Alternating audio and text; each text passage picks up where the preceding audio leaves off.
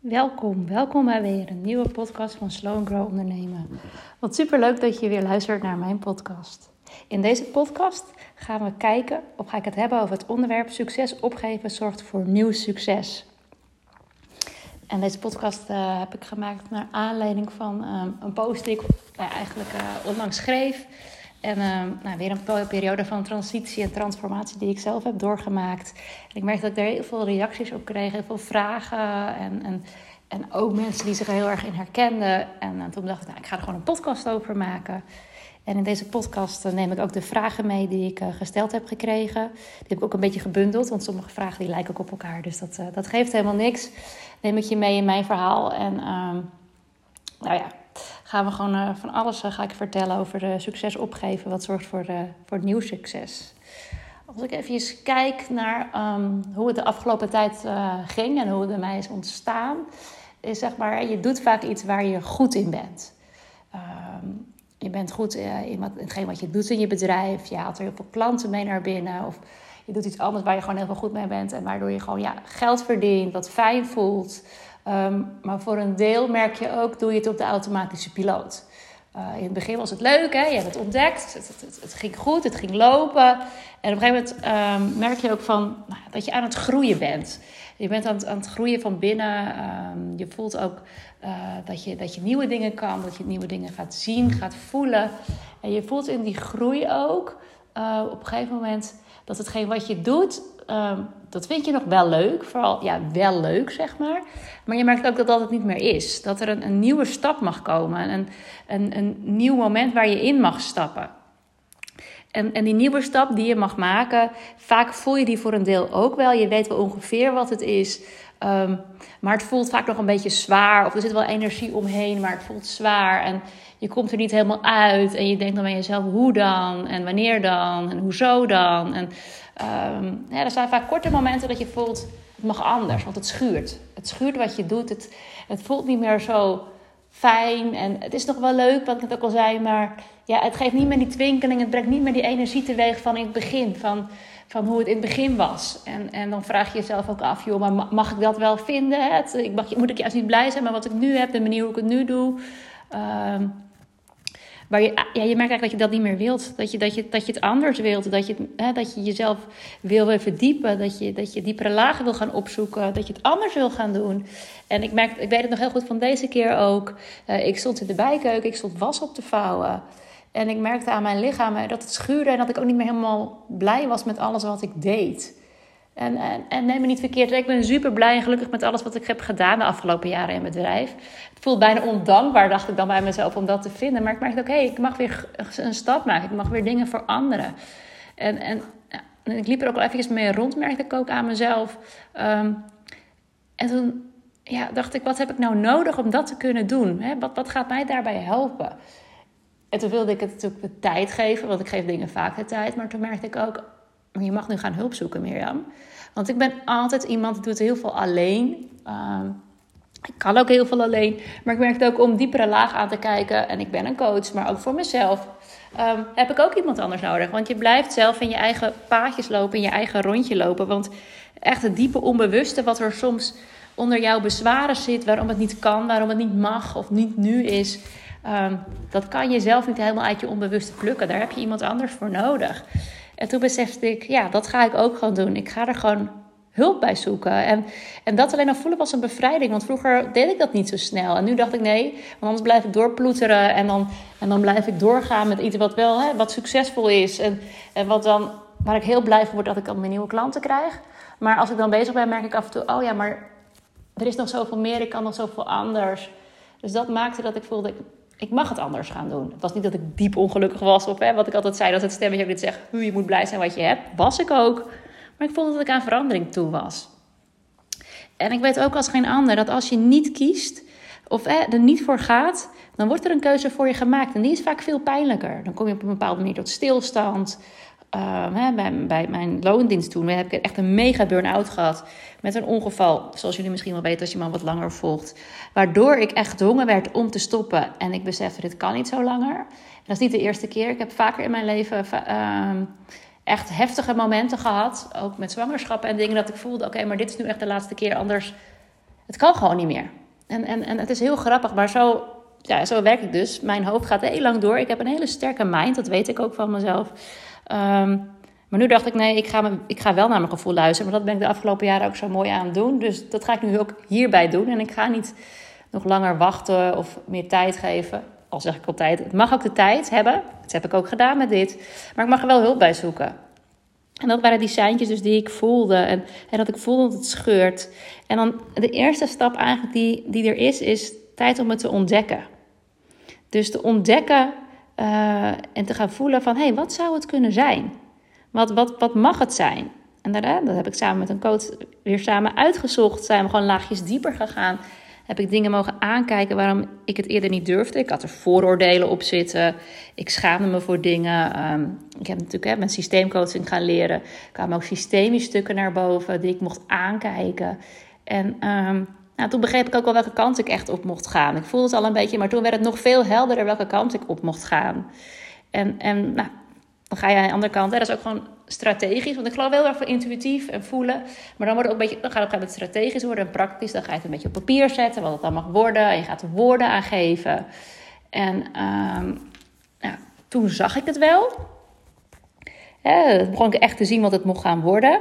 Ik heb het ook al een beetje hier en daar opgeschreven, ook op mijn website. En op een gegeven moment dacht ik, en dat was voor de vakantie, toen ging ook nog mijn prijs verhogen. En toen voelde ik ook, ik wil het alleen maar op deze manier doen, zoveel maanden. Eventueel met een verlenging, maar niet allemaal met verschillende opties erin. En um, toen, toen dacht ik ook, oké, ik zie het, ik weet dat het zo is. Hè, dus rationeel kon ik het begrijpen, maar ik voelde het nog niet helemaal. En met voelen bedoel ik echt um, dat je de cirkel rond mag maken. Want je gaat het eerst hè, ontdekken, dan ga je het zien.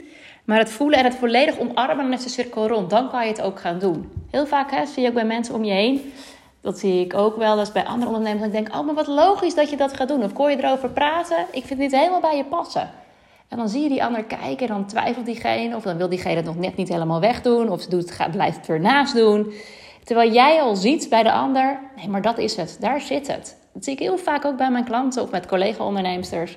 En ik had het natuurlijk zelf ook. Maar dat is het moment dat iemand nog niet helemaal rond is gegaan is in die cirkels. Hè. Dan heb je het ontdekt, je hebt het gezien. Maar je voelt het nog niet. Het is nog niet omarmd, het is nog niet helemaal geheel van jou, om het zo maar te zeggen. Dat, dat geldt ook heel erg in transformatie.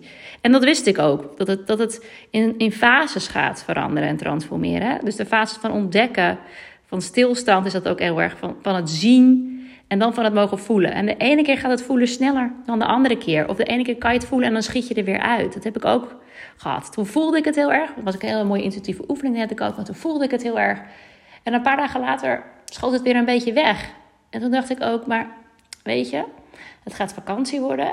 En ergens diep van binnen wist ik ook, om, ja, omdat je natuurlijk vaak getransformeerd bent en, en ook gewoon eh, ja, met mensen altijd mag helpen daarbij, wist ik ook, het komt wel goed. Ik moet nu niet van mezelf dingen gaan forceren. En, en, en, en het gaan opzoeken en ook eh, gaan verkondigen van ik, ik ga hierbij helpen en heel veel dingen nog lanceren voor mijn vakantie. En, want dan klopt het nog niet. En, en dan voel ik het nog niet, dus hoe kan een ander het dan voelen? En uh, nou, eigenlijk een beetje dat. Er kwamen wel mensen spontaan naar mij toe. En daar ik het aan vertelde, die, die vonden het eigenlijk wel tof. Dus die stapten er ook in. Dus dat was het allermooiste. Ik wist wel, het is ook weer heel gek. Als iemand naar mij toe komt, kan het wel. Maar ik hoef het zelf niet naar buiten te gooien. Dus ook weer heel grappig hoe dat werkt. Maar vaak werkt het wel zo. En toen, ja, toen heb ik het gewoon op vakantie heb ik het gewoon losgelaten. Zes weken lang ben ik gewoon niet met mijn bedrijf bezig geweest. En dan kan je wel denken, hoe doe je dat dan? En hoe werkt dat dan? En, je leest ook heel vaak bij andere ondernemers, ja, en als ik vrij ben, krijg ik zoveel mooie nieuwe inzichten. Weet ik. Kan ook zeker. Maar voor mij zou dat alleen maar tot onrust zorgen. Ik wilde gewoon alleen maar ja, vrij zijn, vertragen, een beetje lummelen. Uh, nou ja, met de gezin is het natuurlijk af en toe ook gewoon heel onrustig of druk. Maar gewoon echt daar zijn en me ook gewoon vervelen.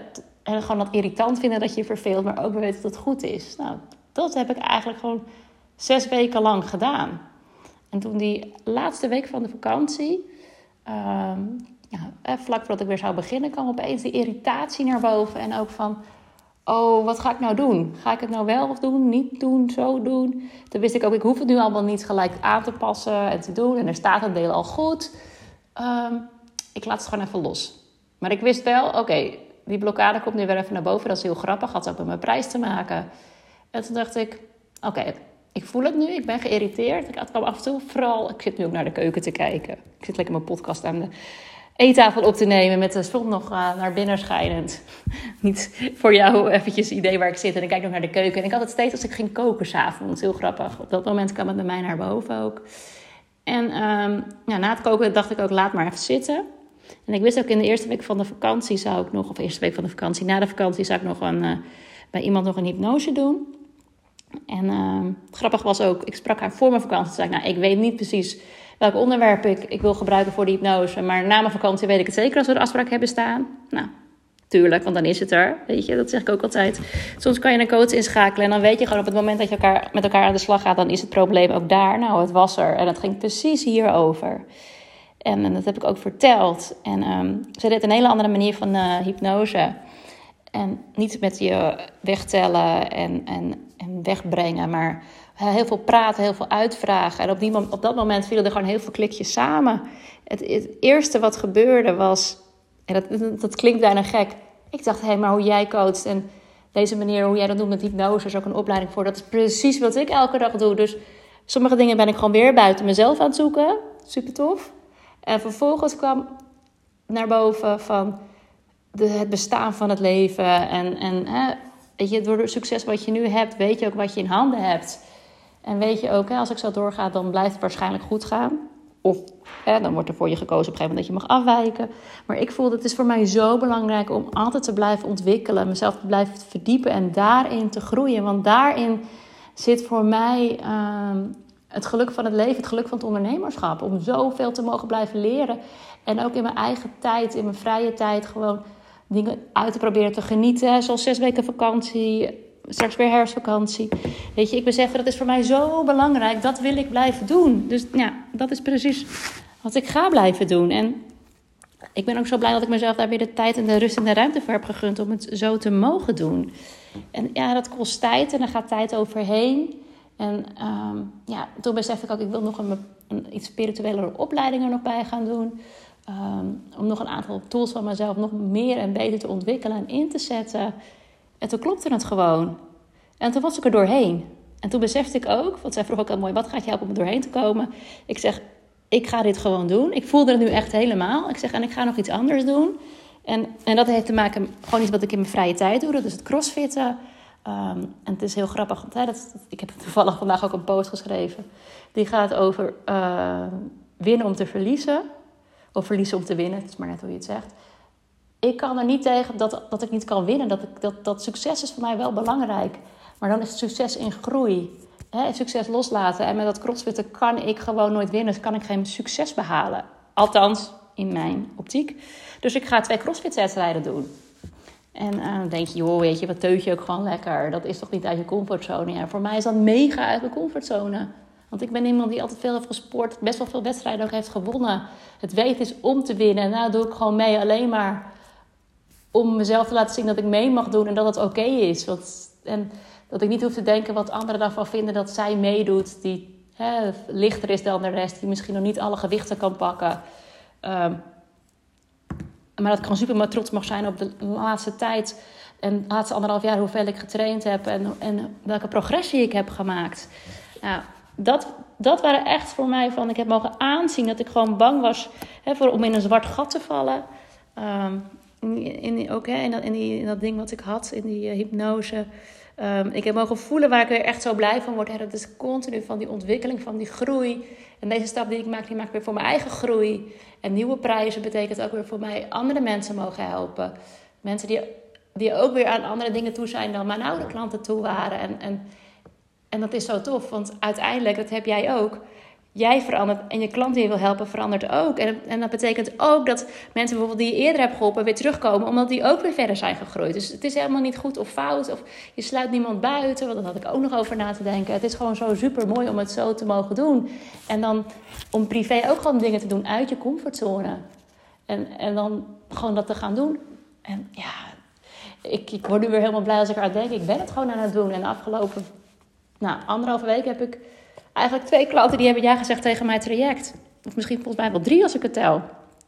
Weet je, en, en, en gewoon doordat ik mezelf het heb gegund om het aan te gaan, de tijd ervoor heb genomen. Hè? Want als ik spreek over dat het schuurde bij mij, in, uh, en dat was het januari, februari, eh, van dit jaar dat ik daar in de bijkeuken stond te was op te vouwen. Nou is het september en nou is voor mij de cirkel rond. En het had misschien ook langer kunnen duren, het had korter kunnen gaan. Dat maakt niet uit. Om zelf je door zo'n proces iedere keer te mogen bewegen. Ja, dat is, weet je, het klinkt heel gek, maar dat vind ik eigenlijk heel erg tof. Juist ook als ik tegen mezelf zit aan te hikken, of wil versnellen of vertragen, of weet ik het wat. Weet je, als ik mezelf gewoon in de weg zit, ook in het proces, weet ik dat het goed gaat komen.